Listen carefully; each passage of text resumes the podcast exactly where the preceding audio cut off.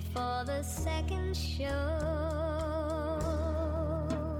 Du lurer etter amatører, tre parster, du får en intro nu, og så får du gongan den intro at.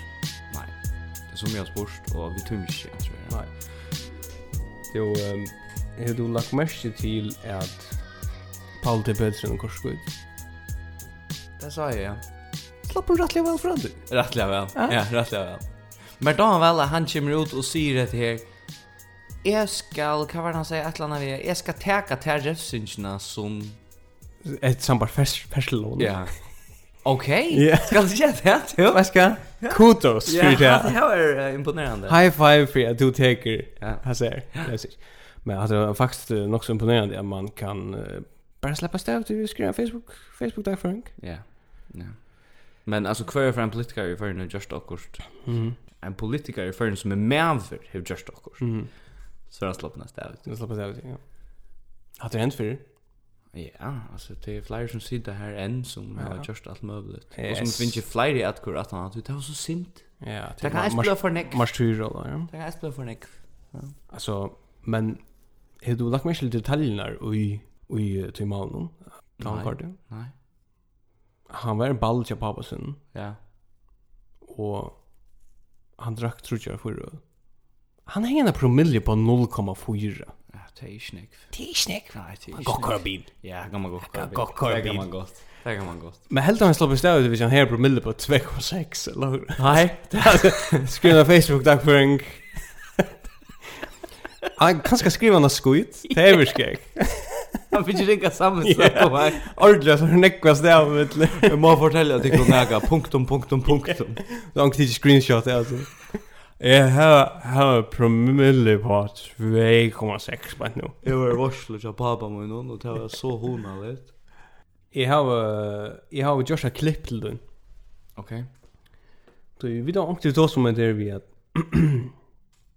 at uh, håndbølter mm. er en sermest idrettsagrein. Ja. Og sermest at han hatt at i øren idretten så kanske man brukar sin av taktiker. Ja, sin Alltså man sätter yeah. man sätter lie. Ja. Yeah. Man har sett så här alltså sett kasta några alltså haft några scouts ut i att ägla ja. hinna line ja. och så kusse stilla det upp. Ja. Vi handbollte Inte så ordentligt. Inte så rannig. Olja, olja aggressiv utrotter. Alltså tror jag så snuffer vi in och så får vi til spela handboll. Ja. Alltså det är inte mer än det. Nej. Det är det. Och jag gör en klipp till den där. Det ser lite time out som man lägger mest till det. Ja. Jag vet inte om man kan få det ur då. Mikrofoner. Lugga flytta. Kaffe. Lite måste tälten upp att inte det. Eh så lustigt att det är time out där. Ja. Vi kan förklara att han kan det se det är synd och tydligt men lustigt det nu.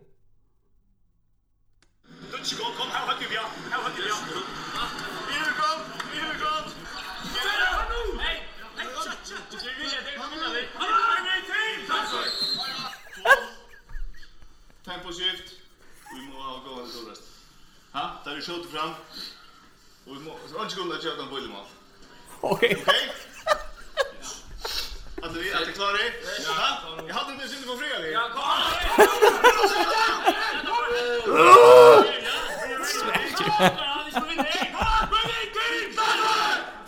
Og ellers var det så at komme ud stadigvæk arbejde på fredag nu for score på de store chancer. Skåret på de store chancer. Ja. så den har vunnit. Det är ju animalst version. Hade det inte vi finesse att göra. Här är inte taktiker. Och här är jävla lite spelrum för några några taktiska. Ja ja, men du hör den där första som säger att vi kör ivgångt. Vi kör ivgångt. Och vi må ha hött då. Vi må ha hött inte hött då. Hött då. Att det är inte en gång en träd i handboll det har hött ju av att vinna. Nej, bara inte så standard. Alltså som jag sagt vid det för alltså det att man har ett hotägare som Idemas. Ja, ja. Här är isne alltså Men övergång det är ta i där renna på tvärsa. Ja, det var jag lukar halde det så man cross. Nej, eller är det ja, men på tvärs. Jo, det är på tvärs så så ger det bulten att rum. Ja, eller eller vångren den in. Jag vet. Men alltså här är Det er øyelig avmarska hva man kan gjøre, eller ødlom för ungefär för ikke vänner gjør av taktskolen. Jag håller faktiskt att det är generellt handboll det bara är så, alltså. Det handlar om att sjåta. Det handler om å sjåta og... Altså, en retur. Vi måste skora på chansen her. Vi måste skora. Du har 30 sekund att å fortelle til noen kruksfalt här. Ja. Hvordan de skulle komme undan disse her horrible støvene som de stand i. De er 18 for vi fyra malen til 13,5 minutter etter. Og det som du velger å fortelle dem er at Vi må skåre på chansen her. Vi skåre på der store chansen. Og så må vi välja bättre. Ha? Hæ? du jag vet han har han har han har varit ut i asylen haft det stora evilet i det. Ja. Och det han här säger till er Ty renner ikke noe vel atter. Nei. Vi må røyne skåra. Ja. Og så vinner vi. Ja, ja. og så får vi da teka malmannen ut. Ja. Så jeg ser vi i ivetale. Ikke tekka mål, Ikke tekka mål, Det er jo viktig her, mål, man. Ja, ja, det er jævlig viktig her, mål, man. Det er mål, det er skjønt. Så skjønt man bare beint til mål. Til en helt anna, jeg sa akkurat så video på Facebook her fire, og her, her kommer jo, mer damer øyla vel hidget videoen her, det er Joe Rui. Okej. Okay. Ja, men hon där och 2 och 4 miljarder andra folk och gör det. Ja, så är chatte fans Men det det det det det som folk jag mest efter det. Ja, men jag tar det och mer damer över jag och det det kan passa förstå ju att det är är ju sälja notter och visst det är mer. No. Så egentligen så är den ansökt men jag hade Joe är skit coolt till Joe. Det det är ju sån rätta element. Alltså det är ju onkant och det är ju förnärma eller deprimera ju och alltså det då en en fågel han var född där och så gäng så gäng gäng det sex timmar då han flickva. Mhm. Mm barn som är fött. mm. Det ska uppvarstas och flyga år och det kan brukas till näka som helst. Ja, ja. Alltså det är öle fitt och allt det där men alltså det är sträv. Ja. Jordan Jordan är så det är det liksom evolutionärt framtiden till perfektion och människor är bara sort vi vet inte alla kan vi göra. Vi vi vi vet inte vad vi äta, vi vet inte vad vi borde äta, vi vet inte hur vi borde leva, vi skiftar där först alltså det hänger håll trusch och så finna bort helt anna och allt det där. Alla så korener som LCHF och vad det heter. LCHF. Ja, ja, nej men ja. Alltså det det är så där stroj om hur vi skulle vara. ADHD. ADHD. Det är ju en kul. Det är en kul. Ah, det alltså man kan säga att det blev en kul. Ja, ja. Alltså det blev en diagnos. Det är cure kanske. Ja. Alltså du först har ADHD och så ADHD. ADHD. Och faktiskt är det nästan ett som är ADD. Ja. Titta man slöver. Ah ja, ja. Eller ja, jag orskar. Eller tar man inte hyperactive som high sen. Ah, okej. Men alltså vi har vi har en riktig stängning och det kostar att Joe Joe har säkert de möjliga diagnoser som säkert bipolära uh, uspjatner till alltså som är fullständiga rabiatar då ja, men men det vet ju att för allt hur det ska begängas ju gör det hade totalt styr va? Chatte kunde liksom hoppa upp i ett träd och bara klippa här va? Det skidde gott mm. men det är ju öll som är så som är jag inte off bejor. Ja, ja bejor. Okej. Och ett av dem är ju jävla populärt. Det är ju det du sig själv. Alltså hur du ser såna videor är sån öliga söton pandabjörn. Yes. Det är det. Ja. Men det klarar ju släkt motstånd. Nej, alltså pandabjörn är ju man vill ju adoptera en och det är så väldigt populärt att göra det. Kvart. Ja, det passar. Alltså du tar den inte hem, du adopterar den på samma sätt, du futchar henne upp i halv. Ja, ja, ja, ja, ja. Så WWF. Ja, ja, ja. Och och panda blir Jag säger du försöker kolla du en kropp hemma. Nej, nej, du hon försöker kropp för är i kammar. Nej, panda björnar har kämpetroblekar vi har begängat sig göra nu. Mhm. Og kinesar hava klóra seg i nacken i flera herrans år. Ah, ja. Ara tutsi, tui at pandabjørn formera sig. Ja. Och det är ett kämpeproblem. Ja. Hon tymer inte at mocka. Hon tymer ikke mokka. Hon tymer inte tyma, Och det är så hva, hva fara det kong? Allt jag tymer mocka. det er det er driven av. Ja, ja. Det gider hon ikke. Eta mokka sova. Ja, det gider hon inte. No. Så kineser har brukt, er okkur der har brukt 45 miljarder dollars det senaste året tutschen på att få pandabjörnarna till att få stor på sitt shit. Okej. Okay. Men så har man så funnit det av... Vad hur man rönt här? Alltså är det så roligt som nu får vi ta planta till och häsa här pandabjörnar. Eller man renta pitta, pinta pandabjörnar. Det är inte så. Ja. Frekar. Pinta rum. Ja. Panda porno. Like roser. Runt om. Nu nu är go to inte. Ja, pandabjörn är inte eh uh, i vanta för för för att dodge utlångar. Okej. Okay. Hon inte vanta. Um, är det breaking news? Det är faktiskt breaking news det läste i veckan. Du du läser sort om om om hästfakna. Ja, nej, du läser nog när vi kommer andra vi skiftar alltså det som händer i hemmen och allt. Du läser illustrerad vetenskap. får I mest av när panda server om vi, ja. Och det är så är det en sån klick av Facebook. Yeah. Nu i yeah. livet panta. Ja, ja, ja. Ja, okej. Men eh för kunde man adoptera en panta, det är ju lika vanligt långt eh ta klarar klara sig bättre. Och så har en hundasyka sig granskaren brukt en hundasyka allmän och pengar på att finna och kvui tog med pandabjuden inte jag måg. Okej. Och man har så funnit det då. Det första man fann det var att pandabjörnen är ju blivit vegetar. Alltså hon är bliven, hon är framtiden. Bliven hon är vegetar. Ja, hon är evolutionärt framtiden till äta kött. Okay. Hon är akkurat som är björtner. De måste få en hundra sig av kött för att klara sig. Ja. Og det er tømte jo pandavinnen ikke langer.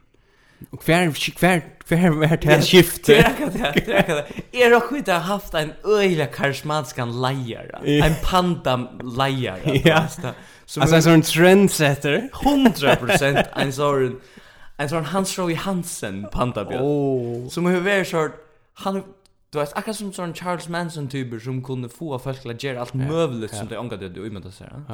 Han har jo bare simpelthen sagt, jeg gjør tid, Blir en pandasekt. Ja. Hade här vi att äta kött. Ta stinkar. Det är gott. Han sig sagt det var han för omkvärv. Ja, ja, det är alltid det. Ja. Och så har han sällt på det. Pandabödna bara så, okej, fina grej. För att stäcka vi äta kött. Så har han sagt, vi får äta bambus. Vi får äta bambus. Bambus, yes. Så det är en hund att bambus.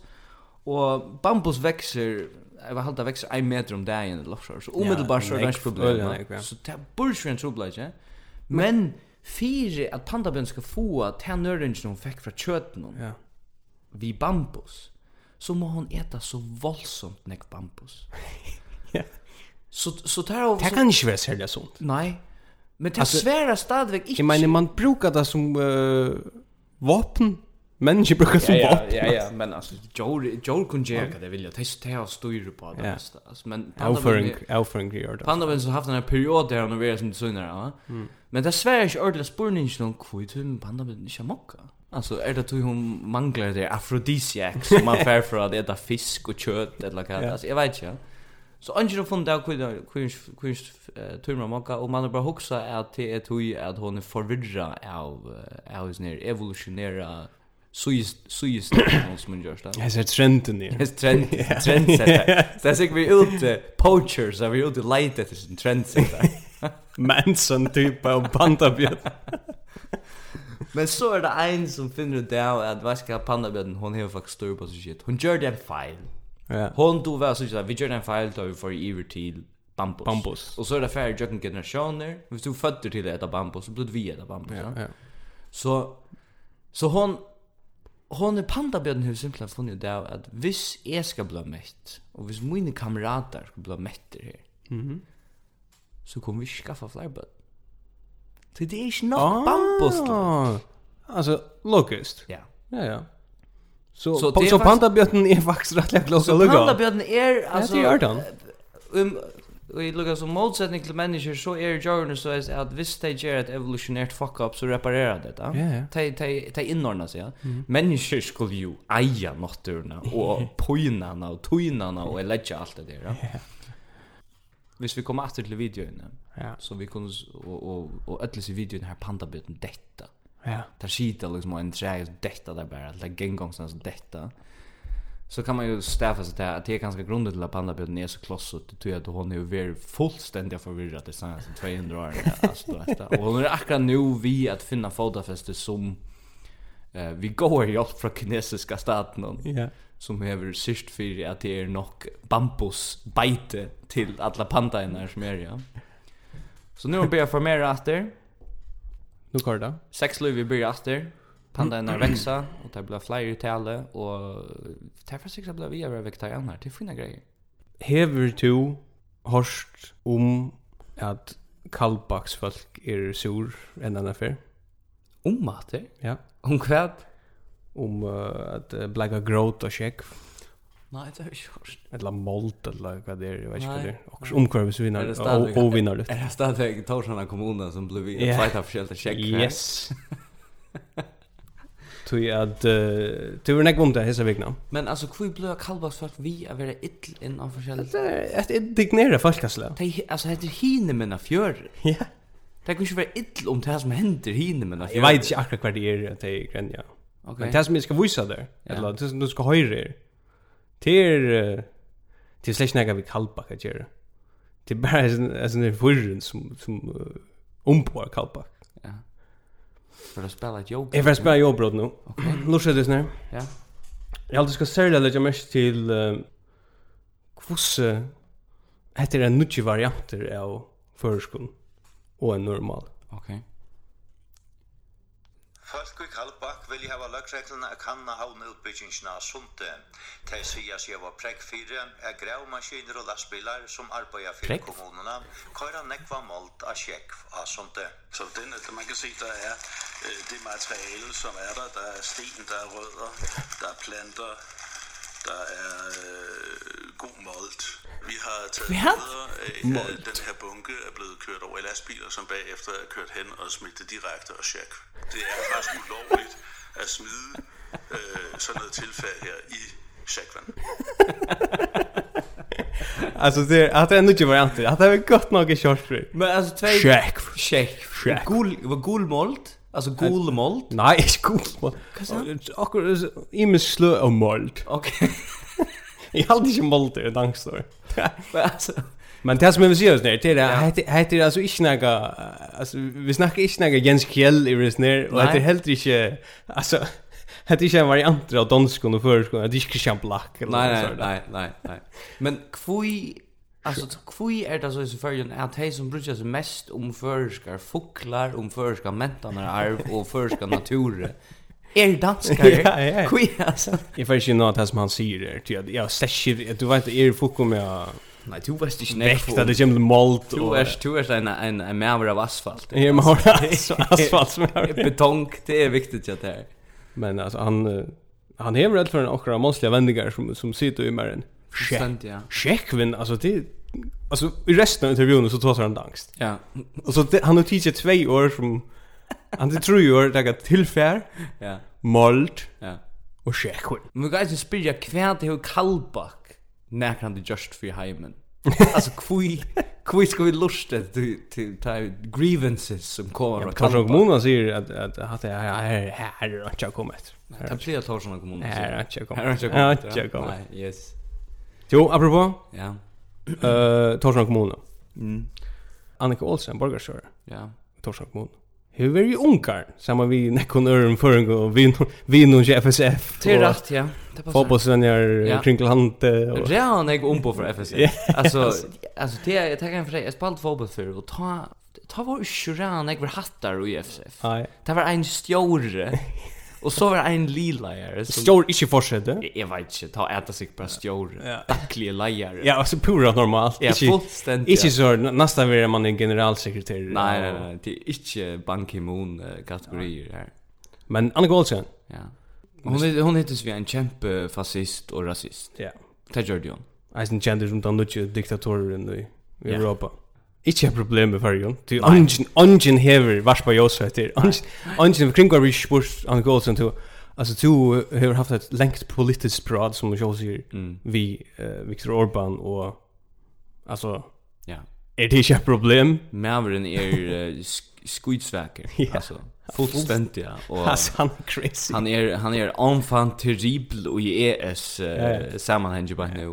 Men okej, okay, hvis vi tar det vidare härifrån. Ja. Förjar hava Ikke problem vi at Annika Åsen møtest vi Orban. Nei. Vi har en frilans frihandelsavtal vi Torskaland. Yes. Eisen er et rymelig ja, ja, ja. ja. Er du kan køre det vi her er hånd. Ja. Russland. Ja. Her, her gjør vi nek. Altså, her ja. tager vi så Jan Bromar og bare ship it off. Altså. Ja, jo, laksen. Altså. Laksen. Ja. Uh, vi åpner sendestov her. Makrel makrel. Ja. Eh uh, och så har vi eisen utflukt akkurat sista eller akkurat senaste utfluktningsvare her til til er ikke annar enn Heirike Heion. Heirike Heion? Han er, vi da, vi da flott han her til. Hva til, til Russland? Yes. Hvor? Ja, konsertfer. Nå? Hva det visst ikke? Ja. Men det er jo cool. Men han burde ganske ikke, du vet. Hæ? Nej, det huxar på han var. Alltså han vill kanske inte ordla röpa sån där kom. Nej. Du vet. Nej, det ska han nog inte. Han han är hejrka hejrka en av våra allra bästa tonlager. Han är skitig duktig. Ja, men han är cool. Han är jävla cool. Men du vet han är i Ryssland så kanske lycka dämpa synder. Ja, ja. Så lycka. Kanske lycka få fotofester först. Ja. Ikke, ikke færre gong vi neka som på neka som helst måte kan lykkes sånn en boa. Nej. Att få att föra tankarna till Nej, alla vår. Det ska han inte. Vi ska bara sitta på hotellkammaren. Ja. Och och framföra och och så så för hem. Hem. Ja. Mittel spelstö och hotellkammare yes. och annat. Och så floffar jag stä och så tar man ner kommer hem så kommer jag fan man vill. Ja. Så har vi Eisen finns jag vita att du först ska fotbollslands i ska du nu jumpa nästa år. Det är ju sjukt vi. Jo, det var en sån nudge balker som var allt för putt upp i imskar. Okej. Okay. Nations League kallade det. Ja, jag har hört också om det. Ja. Då ska förska fotbollslands i och checka det ut. ska kappas sig Azerbaijan, Makedonia, Kvita Russland, Georgia, Armenia, Lettland, Luxemburg, Kazakstan, Moldova, okay. Liechtenstein, Malta, Andorra, Kosovo oh. San Marino och Gibraltar. Så lika tvärt San Marino och Gibraltar är yes, här. Yes. Samma vi har sån här yes. satellitstaden. Kvui, kvui skulle vi du ta en all sex av budget? Du särskar att det lejer. Alltså, det lejer bant in i alltså armarna i Ryssland. Ja, ja. Till nästa värld bara det. Ja, ja. Alltså, ja, alltså, ja. ja vi får inte vara samman vi väster Europa. Nei, nei, nej. Vi får inte vara samman väster Europa da. Vi får ut av öll mot ödlens linjer. Vi sända okkara bästa tonlagar, okkara bästa mat, okkara bästa embedsfolk og ha frihandelsavtal vi ödlens land. Ja? Så är vi till ändans bara en dockingstöj i Ryssland. Ja, ja. Det är vi där. Ja. Alltså vi det är ju chatten inte att. Nej. Men alltså tutjar, tutjar. Det är helst det ringaste jag vet ju. Nej. Det är det inte. Nej. Ha? Nej, nej. Okej, jag valde. Ja. Bahai. Du vet han stöjen, ja, tryckven han stöj, han stöjen nu går det där. Du var i Ram, i F går det där han. Ehm, det är en region. Ja, det är en region. Det är en region. Ja. Och hon går ut på att att lukka som att sammanna öll folk i världen, det heter att röna alla regioner. Okej. Så går det och få alla ah få ja få alla till sin egna trick. Ja okej det bara man det inte samman öll folk eller Ja samman öll folk. Okej okej så så. Och Stonaren av sån Vishem Mm. Han är Bahaullah och jag sa att läsa bra på salen där. Och här onkel får vi en ganska gemen första namn att skriva ju om Bahaullah. Ja. Som har fyllt 200 år i det. Okej. Okay. Och Bahai-religionen byrja nu blev sen det ahåret när googla då. Mm.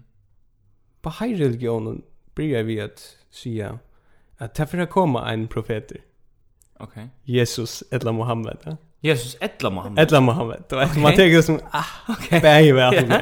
Sikta brakt. Och så är det nere Bahaullah. Mm. Han han förs ut och säger nej nej. Profeten. Tere. Nå, no, okej.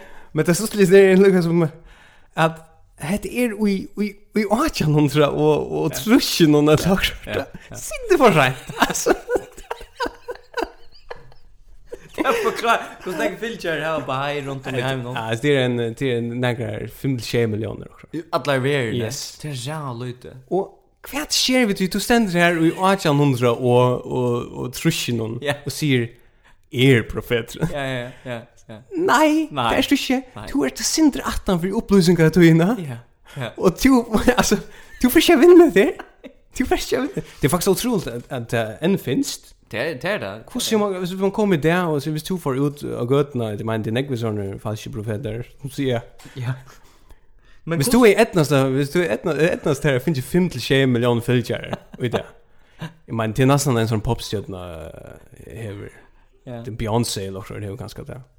Men det är intressant att man kan väl umynda sig att alla tojer så hade funnits folk som har presenterat sig själva som profeter. Profeter, ja. Och sagt att de är i ett land. Det De har haft sådana sekter i Japan och sådär. Alltså, mm -hmm.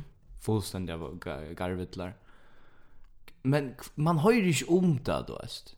Det är säkert vi är ju i havn, onkor till ta över i nybyn. Nu kan inte steg prata vi onkor har sagt att han... Han är en profeter. Att hen är en profeter. Ja.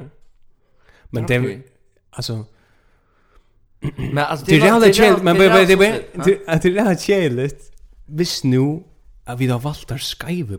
Ja, det är jävla chill. Alltså vi huxar om att vi ses ner Bahaulla faktiskt är Ja, ja, han han sänder där är fucking profeten. Ja, och han får upp till till Harran kvar kvar nu en till er. Ja.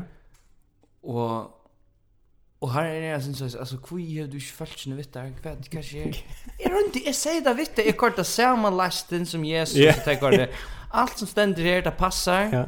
Eh är reis upp är blev crossfester jag körde allt det där anstrupad anstrupad och så har han 50 miljoner och och har den liksom säga ah. Ja. Ikke nok. Det er altså ikke godt nok. Kanskje du skrev timing geistene, bare ikke annet at det er vi sekularismen og i opplysninger og så Altså, Darwin var ikke kommet. Darwin. Evolusjonslærer var ikke kommet. Hon som stadig ikke kommet til førre Nei, det skulle hun ikke. Og heller ikke til pandabjøtene. Nei. Men jag är rätt lika fascinerad alltså när Baha Ulla. Och ikke, syns att föringar har tidsi Baha i tillsyn. Ja, men hvordan er det i en som er Baha? Ja, jag vet inte. Det kunne ikke være nek. Det er at hus i Gundadalen. Jeg helst det er her langt. Her er også andre, her er også et ordentlig beige vision nu. Men der, der fælden er sådan nok så breit, alt. Det her var synder... der, jeg mener, der mod der nok. Altså, ta mod fælden er sådan der breit. Lova, lova til inn og...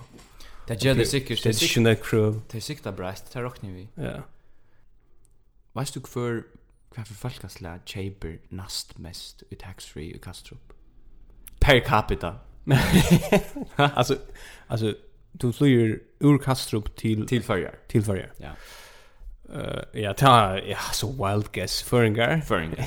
Ja. Näst mest. Näst mest. Ja, jag vet inte hur det är som chef mest. Kineser det lockar. uh, hamstra.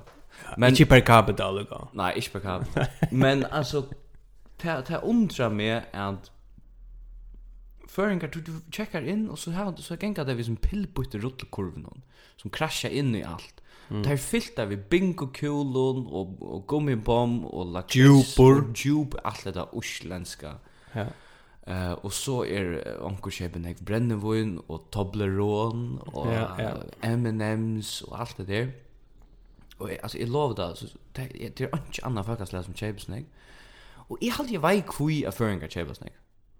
Jeg har råknet det ut. Ja. Og til å reise nægge venner vi hestfagna enn Nigeria, hvor det er et folkslutt tiltak at nægge menn for å fletta eie. Ja. Det tror jag vi har sig Charles-mentan der før. Ja. Alltså vi har stadigvæk, selv om vi har sms, vi har fristebokser, ja. vi har sheep som kommer, vi container av matet då ja. Ja. Så har vi stadigvæk ui okkara mentalitet, en sånn Ja, men alltså varje varje menta. Vi må gå støy tjeipa en under och om vi nu mjölkabadren ikke kommer, eller hvis postbadren ikke kommer, ja. så må vi ha det her, ja. Så vi fylla mentala chatlar vi mäter og det han dör törven vi nøkta da vi er inne i tax free. Det tog sånn, jeg. Og jeg lover det, altså hvis jeg Atlantic nägrande for å krasja, som jag hoppas att det inte sker det. Vi ser nägrande kraschar bant att hon hade färg upp så är det inte alltså så sort av tax free nocten som är så är det övervägt på grund av Cadbury och alltså Cadbury relaterar accident. Men it's like with the Myra eh av loven i förrjun tar man länder förrjun atter så är det sort nu ska det. Och så fär man nästan andra köpa fisk så man har köpt sina mm. kvoter kanske. Ja. Så kan du inte köpa en uh, mm. whisky till uh, till Jonmar som är förgård om två veckor. Ja. Och så snabbade tjonen och fångar det om... Ja, ja, ja. Alltså det... Ja, ja, alltså det är som man hellre att vi inte har utgång till handlar här. Vi kunde köpa ting. Mm. Mm. Och så är det det här vi att vi skulle hava åkara mät alla ställen här som vi färra. Mm. Du behöver inte hava 20 kilo av röst om fiske och en öra som skulle lägga. Nej. Det behövs du inte. Nej. Du kan gott äta det hemma i färgen. Mm. Og du ser särskilt gamle Atlantic Fluffer. Det är som att vanchen når pure. Yes. Det så ut som en evig belastad och gammal svärn. Där han får full firm till hem till Jola. Vi har en bingo cool någon och en Cadbury och en cognac någon og alt det som föringar den chepa. Åh, kan jeg få mer sjokolade? Ja, ja, ja. Ah, kör då shake. Ja, jeg är korsla shake alltså. Fullständigt kör shake. Du uh, hade hon kanske syns samma vi att eh uh, som faktiskt akkurat kunde som vi visste jag inte framåt någonting. Erfarenheter är rätt lätt ju. Erfarenheter fighter. Fighter. Ja. Ja. Och det är så fighter. Det är så Magne Moore som er just kan. Yes. Magne. Det som Magne sier, det er gospel i min över. Okej. Ja, ja, vi har haft Magne som vänner henne. för han är fornuftig. Ja. Ja. Men hade hungrar sin samman vi att att man är tjocker och man borde kanske lugga det är ett annat check som är till är det vi gänga igen det ska vara för mans och kan ja. gänga igen ja. och så är det vi att alltså kvar gånger igen ta i ödler tjock alltså det det är som det är liksom en cool spurning ja ja ja Kvar alltså ty att det er det som det er det som folk som gänge hian og och gänge ötlis i fjällen ja og... och är det er det er det der fjellreven, og, og, och och det er, en det er en brigada altså, det er det det er det. Bergans jacken og... ja. Ja. Ja. Men alltså du tegra det her vi förringar i kyrkor nu rättligen specifik kan den geisten ja. Vi at man man man man får in geografiskt är snö och ser det att jag menar förr är ju bara stora så nej hade ju just en uppdelning med bikt och boy så? man får in och se det att tid i vavnon tid är nog snygg fighter i te havn oh ja ja i vavnon det. Står Kanske är det där tax free så det man har fänkat där utanför stick för. Och jag hade överflowet när och bara sitter där. Åh, djupor. Ta för här måste jag snäcka stan ner. Magni har haft ett team alltså någon italiensk och lax någon alla är jävla checkar Och så för in och så sagt vi toddlarna inte getting gott ta fru där. Vi tar fight för så just Ja. Och så håller det in och så man via dig och tycker om mat och ja och BMI och allt det där som man gör då.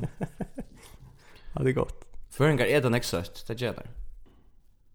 Men ehm um, Jeg vet ikke om du minnes det, men for ikke lenger til siden, så vi da var inne i at det halte jeg ene før. Uh, vi da pratet om Sølda før, det har vi ikke. Nu får jag vet sin rätt runt om i landet. Men för inte jag längre till sen så var det alltså en kämpestor lastbiler Ja. Som kort in i ett hus i Söldafer. Ja. Alltså han kort ju där. Ja. Och om man är gärden till Ankro. Yes. Och han knus det han var det faktiskt i uh, skala för en för hus här var öl det har pennan gär vi öl någon stor runt tröv. Mm -hmm. Alltså något så imponerande Det man mm -hmm. också om hur ytla det växer i förut, va? Men alltså lukar du må lukka få att här vi att ta man kort ju där i Söldafer. Mm så kör man in i en gär. Så kommer man in i en gar och och det är snägga så så du kör jag av en du kör in i en gär. Det var bara vi vi gods hjälp att man inte ända in i coachen. Ja. Men alltså sälda för här till er här här är en sån plantage i för. Ja. Vet du vad det är inne i plantagen här? Nej. Nej. Hvis er akkur hvis du først uh, du først er det Google Maps, det har man nu i fyrrjum, hvis du hikker etter et eller satellittmyndon, så, så, så sørst du hva det er Det är alltså det är så två oljetankar ett lock short. Alltså jag vet inte vad det är. Här här det är onkel tankar onkel slag. Det är också russisk ryssjämme som Det ser så inte så ut att det ska gömmas in i skolan då alltså. Ja. Det är kämpes, det är kämpestor. Okej. Så du har väl lugga som till en annan tillgång till här en plantage och ja. till till en också instrumentell mat i här en plantage. Vi har en oljetankar här och vi bygger en plantage runt om. Så så man share där. Så som är kär där. ja. Eller så helt man att det är flottaste och viktigaste vi har i bygden. Yes. Och i havn, här har du svänaner, ja. du har så standmyndnar ja. och alla stingarna. Ja. ja. Söldafjärden, tvär oljetank. Tvär oljetank. Det har vi då. Men det huskar inte väl till det har olja häftiga bilmätan där. Ja ja, till olja. Ja ja, till. Man ska gärna ha sin olja finkron. Ja ja, till till skidor. Men alltså Det här var så där och så som, som sagt till skuidfart till Korjung så där. för. Ja ja, det är helt gal. Här är du kör oman och och hur tung tung lasta i lastbilen som kommer. Mm. Alltså jag vet inte hur ska klara bromsa det kör oman och så fäller upp att det. Ja. Och så är vi ta ta ett inslag i värmen av förren som uh, som fick en lastbil in i garaget så här. Han var ju Han nu är så våldsamt oaktueller, men ja. ja, jag vet det väl, men alltså, vi bara prata om det. Men han var sån där, han var sån ytler. Ja, men men de han helt omätliga väl. Vad var det han säger? Han var bara numma han lägga hända alltså. Ja, numma också hända. Ja, nu och han bannar ju sånt där. Bannar ja. ja. Men det Ongen hevur nægan just her örndir til Selda fyrir. No. Altså ongen hevur nægan just anna enn a køyru í jöknum Selda fyrir. Det är drive-through. Det är simpelt en en drive-through byggt här händer här händer sikt en, en rikva, men det virkar som att öll som som bygger här är en familj. Mm. Alltså en förlångd familj, eller en, en klaner ett Ja? Okej. Okay. Och och det är så men så det syns så visst det är så rinkt att ha en landsvägen. Ja, det vill ju ha landsvägen om man ni alltså om man mode mode show någon alltså ni runt bygna eller piver inte bara i jökna va jag vet det skil man ju väl va men man alltså hur ser alltså spara Ska bara packa samman flyta. Det bara flyta. Hade är hade är en stor sopla så själva för. Alltså du har en V du har den mannen där i Island. Ja. Så där V i jökna själva. Ja. Nek bilar, nek tunga trafiker.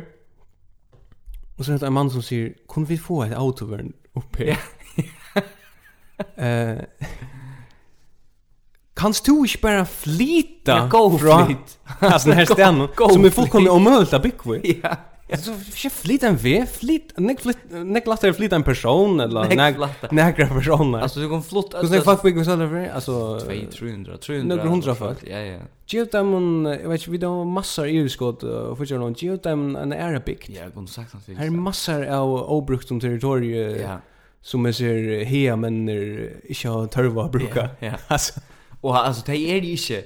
Alltså det är det är en klaner och och allt det där men alltså det är inte ett upprunna folk. Alltså det är inte indigenous rights som sölfringar häva till till det här plosset. Ja. Nej. Alltså så det är inte aboriginals. Nej nej nej. Stater i och landsväg. Det är inte det är inte undertryckt av av föringen och allt det där. Jo.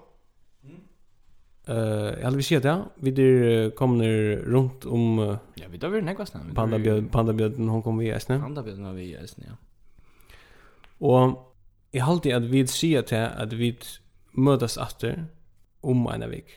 Eller innenfor en vik. Innenfor en vik. Innenfor en vik. Innenfor en vik. Annars så... Nå er stunden jo etterkommen ur uh, Gåsfjallet landet. Ja, Reik Reykjavik. Og du er så bereist. Jeg blir så bereist, ja. Ja. Det er vel bjärskikne uppe i Osland. Ja, till fram till nästa krepp. Fram till nästa krepp. Till att David Til man finner det at han som han han folkavalde som han har valt han hever alltså en plätt här. Panama, Panama Papers. Det är alltid alltså. Nej, jag vet. Det är ju stor på så stats statsliga tagas samman. Alltså det nyttar sig att do allt hit med den vanliga statsfinanser. Det nyttar sig. må man helt få blockstolar ur Danmark till fina man. Så kanske alltså utlänningar är passaliga lögner till att lusta efter hessen podcasten och finner det av att vi då snackar om Island. Så till till utlänningar som lustar. Ja.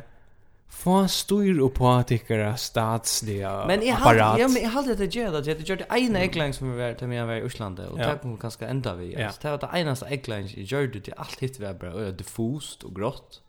Och det var det att kvar för i överhörde Islandingar sitt prata. Vi är på en bar eller något så var det så. Det er det krepper, ja. Det er korrupter. Korrupt? Korrupt, korrupsjoner. Ivraskar, ja, du. Ja, men alt det er det ene, altså, hver for uslendingar er mer enn tveir, eller tvei. Ja. Og her er samre, så pratar de om kreppe, ja. eller korruption, eller skandale, eller også, ja. Her oppe bare katten om det. Alla tog, eller politiskt folk, på yeah. måten, kan man säga. Men så må det är sin omsätta till i i går av fortjørstyring framhever. Man styrer på statsliga apparat ja, Island. Ja. Kan säga vi. Vi ändrar vi en A-heidan simpelt. A-heidan. Vad styrer på dem? Ja, så höras vi då. Höras innanför en av vecka. Innanför en vecka, ja. Yes. Yes. Bye. Bye.